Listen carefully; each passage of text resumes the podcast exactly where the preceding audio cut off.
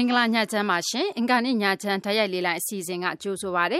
ဒီကနေ့ညချမ်းမှာတော့ဆယ်စုနှစ်9ခုအတွင်းမှာပထမဆုံးအချိန်ရက်သားအစိုးရတာဝန်ယူလိုက်တဲ့ရက်ပေါင်း100ပြည့်လွန်ခဲ့ခြင်းအစိုးရသည့်ရဲ့ကနဦးဆောင်ရွက်ချက်တွေကိုဆွေးနွေးသုံးသပ်ကြဖို့ပါဒီရက်100ဆိုတဲ့အချိန်တိုအတွင်းမှာတော့အစိုးရတရက်ရဲ့ဆောင်ရွက်ချက်တွေကိုပြည့်ပြည့်ဝဝတွေ့ရဖို့ဆိုတာမဖြစ်နိုင်ပေမဲ့လည်းအစိုးရသစ်ဟာဘလို့လမ်းကြောင်းမျိုးသွားမလဲနိုင်ငံကိုဘလို့ပုံစံမျိုးဥဆောင်သွားမလဲဆိုတဲ့ခြေလှမ်းတွေအပေါ်မှာဆန်းစစ်ကြည့်ကြဖို့ပါရှင်နောက်ပြည်သူတွေရဲ့လူလားချက်တွေကိုဘလောက်ဥထိပ်ပန်းစင်မလဲ ဂရိကဝတ်တွေကိုဘလောက်အကောင့်အထည်ဖော်မလဲအုတ်ချုပ်ရေးတရားဥပဒေစိုးမိုးရေးထိထိရောက်ရောက်ကင်တွယ်နိုင်ခြေရှိသလားဒါတွေကိုလည်းအဓိကထားဆွေးနွေးကြရအောင်ပါ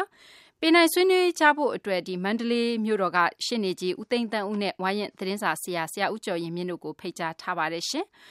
အရင်ဆုံးတော့ဒီအစိုးရအသစ်အနေနဲ့ရက်တရာအတွင်း ဘာတွေရက်တရာအတွင်းဒီဆောင်ရွက်ချက်တွေဟာအရက်သားအစိုးရတရက်ဖြစ်လာပြီဆိုတဲ့အာမခံချက်ဒါဟာအားရစရာကောင်းတဲ့အခြေအနေရှိပါသလားရှင်ဆရာဦးကျော်ရင်မြင့်အရင်ဆုံးဆွေးနွေးပေးပါဆရာ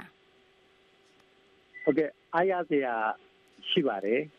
ဒီအစိုးရသည့်အနေနဲ့ရက်တရာစီမံကိန်းတွေချပြီးတော့မှဌာနဆိုင်ရာအလိုက်ကိုဌာနနဲ့ကိုအထုတ်ကြိုးပမ်းလုပ်နေတာကျွန်တော်တို့မျက်မြင်တွေ့နေရပါတယ်တကယ်လဲတိုးတက်မှုရှိပါတယ် အဓိကအကြဆုံးကတော့တိုင်းပြည်အတွက်သိလိုအပ်နေတဲ့ငြိမ်းချမ်းရေးရဖို့21ရာစုပင်လုံညီလာခံဖော်ဆောင်ရေး